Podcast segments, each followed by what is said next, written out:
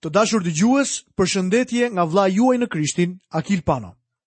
Ju uroj mirëseardhje në emisionin e sotëm dhe njëkohësisht falenderoj Perëndin për privilegjin e çmuar që kemi të studiojmë fjalën e tij të gjallë.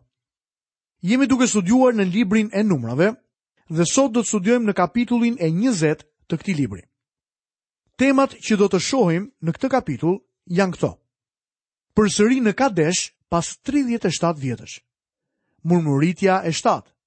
Uji nga shkëmbi. Mosbindja e Mojsiut, Edomi refuzon kalimin e Izraelit përmes vendit të tyre dhe më poshtë do të shohim vdekjen e Aronit. Kapitulli i cili gjendet tamam përpara nesh, hapet me vdekjen e Mirjamit, motrës së Mojsiut, dhe mbyllet me vdekjen e Aronit, i cili ishte vëllai i Mojsiut dhe kryeprifti i Izraelit.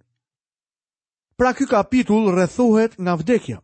Gjithashtu përmban mëkatin e Mojsiut dhe mëkatin e Edomit. Por gjithsesi, është një kapitull i rëndësishëm sepse shënon fundin e endjes për bijtë e Izraelit dhe fillimin e marshimit. Pjesa e kapitujve 14 deri 20 trajton kohën e 40 viteve në shkretëtirë. Ne na paraqiten vetëm pak ngjarje që kanë ndodhur gjatë këtyre 40 vjetëve. Izraeli është jashtë vullnetit të Zotit, prandaj nuk ka shumë për të thënë. Ne mund të themi që edhe pse izraelitët ishin njerëzit e zgjedhur të Zotit, nuk arritën asgjë të rëndësishme përveç kohëve kur ishin në vullnetin e tij. Kjo gjë është e vërtetë edhe për ne sot. Kjo është e vërtetë për mua dhe ty. Ne nuk arrijmë asgjë kur ndodhemi jashtë vullnetit të Perëndisë. Kur unë dhe ti nuk funksionojmë në trupin e besimtarëve, duke ushtruar dhuratën që Perëndia na ka dhënë me anë të fuqisë së Shpirtit të Shenjtë, jemi aq të panevojshëm sa një e pesta e këmbës së një lope. Le të fillojmë tani. Do të lexojmë në kapitullin e 20 të librit të Numrave, vargun e parë. Pastaj tërë asambleja e bijve të Izraelit arriti në shkretëtirën e Sinit në muajin e parë dhe populli qëndroi në Kadesh. Këtu vdiq dhe u varros Mirjami. Këtu na paraqitet vdekja e Mirjamit, motrës së Mojsiut, vetëm nëpërmjet një vargu. Nuk gjejmë të ketë fjalim të gjatë funerali, nuk ka murmuritje, asnjë përpjekje për ta lavdëruar. Mirjami vdiq dhe u varros. Kaq ishte jeta e saj. Ata u kthyen sërish në Kadesh. Ata ishin këtu përpara rreth 38 vjetësh dhe tani u kthyen sërish 38 vite shtektimi, duke mos shkuar asgjëkundi. Edhe pse vitet e shtektimit nuk ishin vitet e bekimeve të mëdha për njerëzit, Ato siguruan mësime të mëdha, sepse shumë prej nesh sot jemi duke marshuar si shtegtarë përmes kësaj bote. Ne jemi shtegtarët e endacakë në këtë botë këtu poshtë. Le të shohim murmuritjen e shtatë, e cila vjen menjëherë pas vdekjes së Mirjamit. Lexojmë në vargjet 2 dhe 3. Por mungonte ujë për asamblenë, prandaj u mblodhën kundër Moisiut dhe Aronit. Kështu populli u grind me Moisiun dhe i foli duke i thënë: Të kishim vdekur kur vdiqën vëllezërit tanë para Zotit. Sigurisht që kur thanë këto fjalë, ata nuk i menduan vërtet. Asnjëri prej nesh nuk dëshiron të vdesë. Vdekja është jonatyrore për njeriun. por ata po ankohen, duke rënkuar sërish dhe duke murmuritur. Kjo është murmuritja e shtatë dhe bëhet për shkak të mungesës së ujit. Le të lexojmë më poshtë nga vargu i katër e poshtë. Pse e çuat asamblenë e Zotit në këtë shkretëtirë që të vdesim, ne dhe bagëtia jonë? Edhe pse na bëtë të dalim nga Egjipti për të na sjellë në këtë vend të keq, Nuk është një vend që prodhon grurë, fiq, rrush ose shegë dhe mungon ujë për të pirë. Këta njerëz ndodhen sërish në Kadesh, pikërisht aty ku dështuan herën e parë dhe përsëri po ankohen në vend që t'i besojnë Perëndisë. Vendi që rrjedh qumësht dhe mjaltë është mu përpara tyre, por jo aty ku ndodhen në këtë moment. Nuk ka rëndësi se ku dhe kush je ti si fëmijë i Perëndisë. duhet të kuptosh se nuk do të jesh këtu për një kohë të gjatë. Të gjithë ne jemi shtegtarë, pelegrinë, duke kaluar në këtë botë. Nuk do të jemi për një kohë të gjatë këtu. Kështu që nuk duhet të kalojmë kaq shumë kohë duke u ankuar. Lexojmë vargun e 6 të këtij kapitulli. Atëherë Moisiu dhe Aroni u larguan nga asambleja për të vajtur në hyrje të çadrës së mbledhjes, dhe ranë përmbys me fytyrën përtokë dhe lavdia e Zotit iu shfaq atyre. Sërish dua të tërheq vëmendjen tuaj tek fakti që sa herë këta njerëz ankoheshin apo murmurisnin, lavdia e Zotit shfaqej. Zoti zemërohej me ankesat e tyre. Kjo duhet të na bëjë të kuptojmë se nëse jemi shenjtorë ankues dhe rënkues, nuk po e kënaqim Perëndinë tonë. Kjo është e vërtetë pavarësisht nga fakti se kush je, ku ndodhesh, apo çfarë po bën. Le të shohim ujin nga shkëmbi dhe mosbindjen e Moisiut.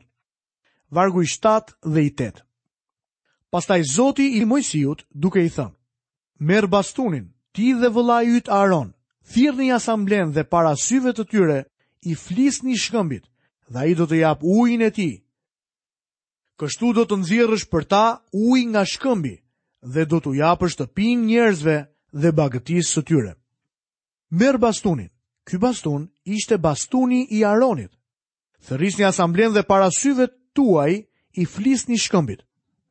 Sepse shumë vite më parë, ashtu siç na është regjistruar dhe te kapitulli 17 i librit të Eksodit, Shkëmbi ishte hapur dhe prej tij kishte dalë ujë.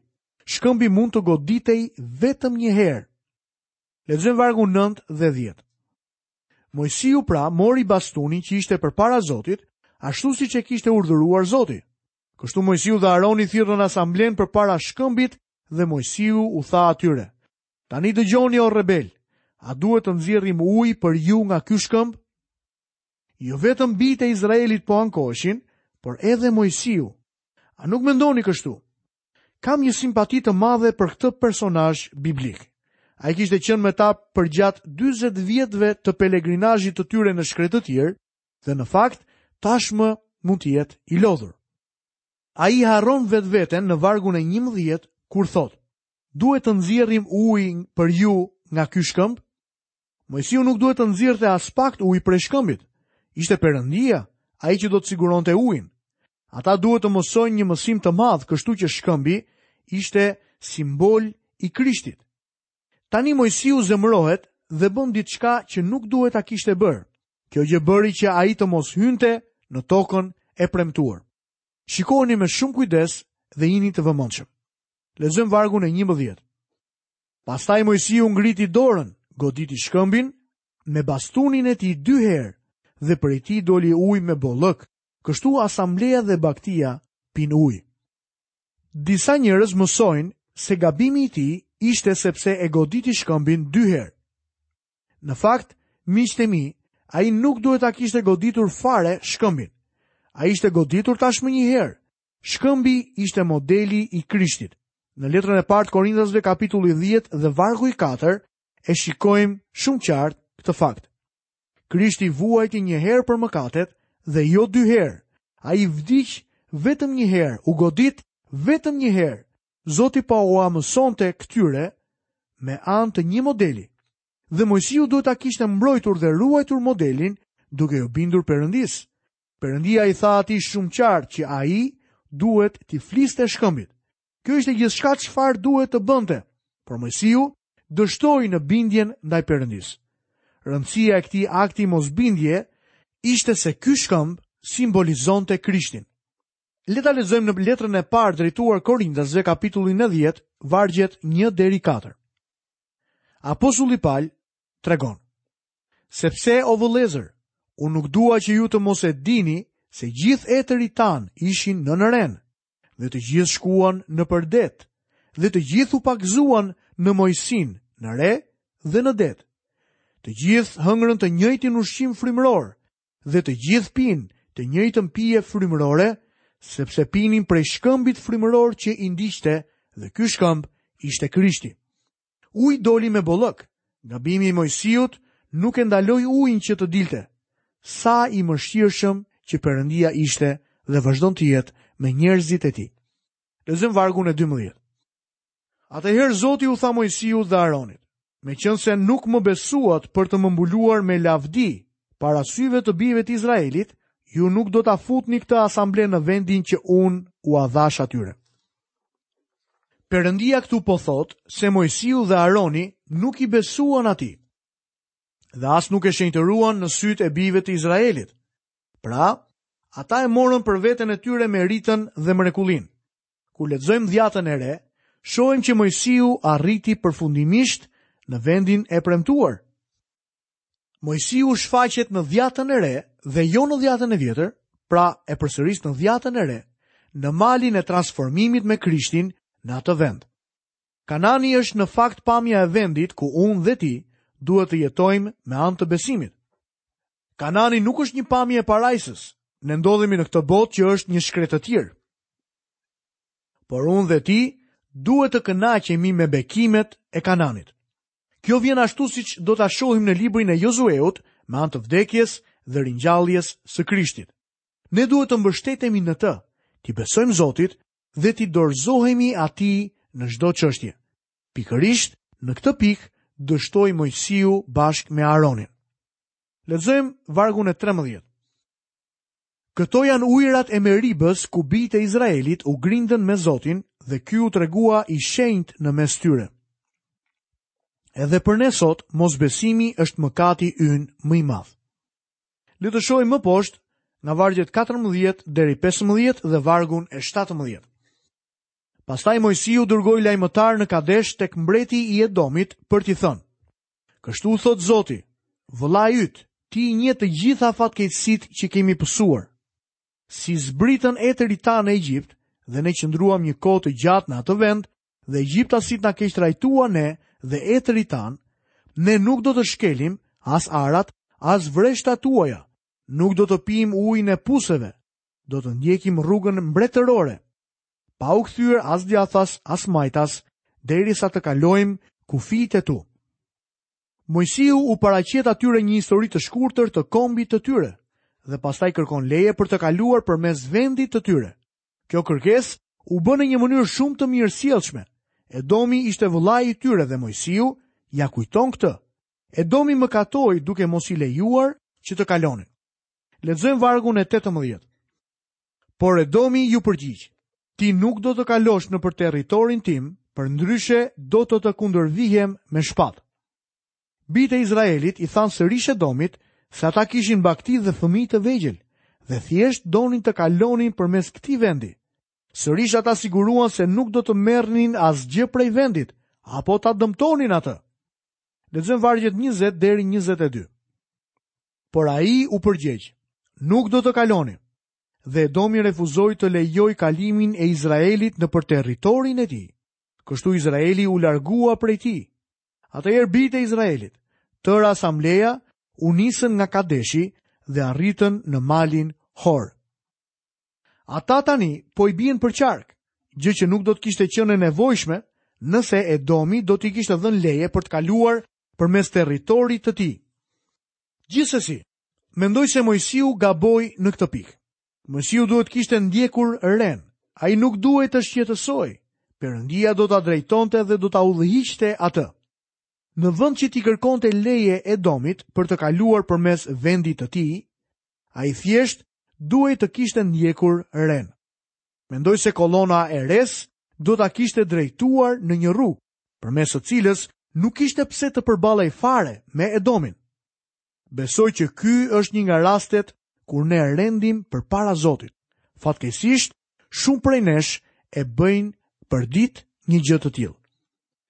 Të dashur miq tani do të mbërrijmë në pjesën e shkrimit ku do të shohim vdekjen e Aronit, pra në fundin e kapitullit që përfundon me një notë trishtimi.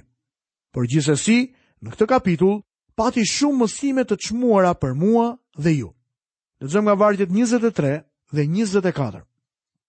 Dhe Zoti i foli Moisiut dhe Aronit në malin Hor, në kufijt e vendit të Edomit, duke thënë: Aroni po bashkohet me popullin e tij dhe nuk ka për të hyrë në vendin që u kam dhënë bijve të Izraelit, sepse keni ngritur krye kundër urdhrit tim në ujërat e Meribës. A e dini se ka shumë njerëz sot që janë të shpëtuar, por nuk i gëzojnë kurrë frytet e shpëtimit në këtë jetë dhe ata nuk kanë paqen e shpirtit të shenjtë në jetën e tyre. Nuk e dinë se çfarë do të thotë të ecësh në miqësi me Zotin Jezus. Gjithsesi, për asnjë moment nuk do të vija në pyetje shpëtimin e tyre. Aroni ishte njeriu tipik i asaj mënyre të jetuarit. Ai e njihte përvojën e ashpër 40 vjeçare në shkretëtirë, por kurrë nuk dinte të ulej dhe të shijonte frutat e tokës së premtuar. Ai nuk e dinte çfarë do të thoshte të pije qumështin dhe të haje mjaltin e tokës kur ato buronin. Shumë prej nesh e robërojnë vetveten për shkak të mosbesimit. Lexojmë vargjet 25 deri 29. Merr Aronin dhe Eleazarin, birin e tij, dhe çoji lart, në malin e Horit. Zhvishe Aronin nga rrobat e tij dhe vishja të birit, Eleazarit, dhe aty Aroni do të bashkohet me popullin e tij dhe do të vdesë. Moisiu bëri ashtu siç e kishte urdhëruar Zoti, dhe ata hipën mbi malin e Horit para syve të të gjithë asamblesë. Moisiu ia zhveshi rrobat Aronit dhe ia veshi ato Eleazarit, birit të tij, dhe Aroni vdiq aty, në majë të malit. Pastaj Moisiu dhe Eleazari zbritën nga mali. Kur tërë asambleja pa që Aroni kishte vdekur, e tërë shtëpia e Izraelit e qau Aronin për 30 ditë. Këtu na jepet një mësim i çmuar. Ishte e trishtueshme për Izraelin, por për ne sot është diçka për të cilën duhet të falënderojmë Perëndinë. Bijtë e Izraelit mbanin zi për 30 ditë. Mendoj se shumë nga ata njerëz kishin qenë tek Aroni, kryeprifti. Ata e njihnin dhe ai i njihte. Ata sillnin sakrificat e tyre dhe e pyesnin Aronin. A mendon se Zoti do të më falë? dhe mendoj se Aroni do t'i ngushëllonte duke u thënë se Zoti ynë është i mëshirshëm dhe plot hir. Pastaj ai do të ofronte sakrificën për ta. Tani ata panë Eleazarin duke zbritur nga mali me rrobat e babait të tij Aron. Aroni tashmë kishte vdekur dhe tani ata mund të thonin: Unë nuk e njoh Eleazarin, ai nuk më njeh mua. Kemi një prift krejt të ndryshëm tani.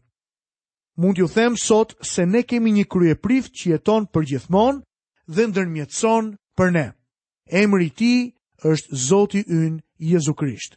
Zoti ynë nuk është një prift sipas rendit të Aronit, por sipas rendit të Melkizedekut. Ai nuk ka as fillim dhe as mbarim ditësh. Ai mbetet prift përjetë. Kryeprifti ynë Jezus nuk vdes kurrë, ai vdiq një herë këtu poshtë në tokë për ne. Ndërsa tani, ai jeton përgjithmonë për ne, lart në qiell. Ai do të jetë gjithmonë atje për ne. Ne mund të mbështetemi gjithmonë tek Jezusi. Ai njeh secilin prej nesh, miku im, Krishti të njeh ty në mënyrën më të detajuar, dhe ne nuk mund ta njohim atë në mënyrën si ai na njeh. Të njohësh Krishtin është jeta e përjetshme. Njohja e tij do të na marrë tërë përjetësinë dhe nuk do të ndryshojë kurrë. Kjo është diçka për të cilën duhet të jemi dhe të mbetemi mirënjohës.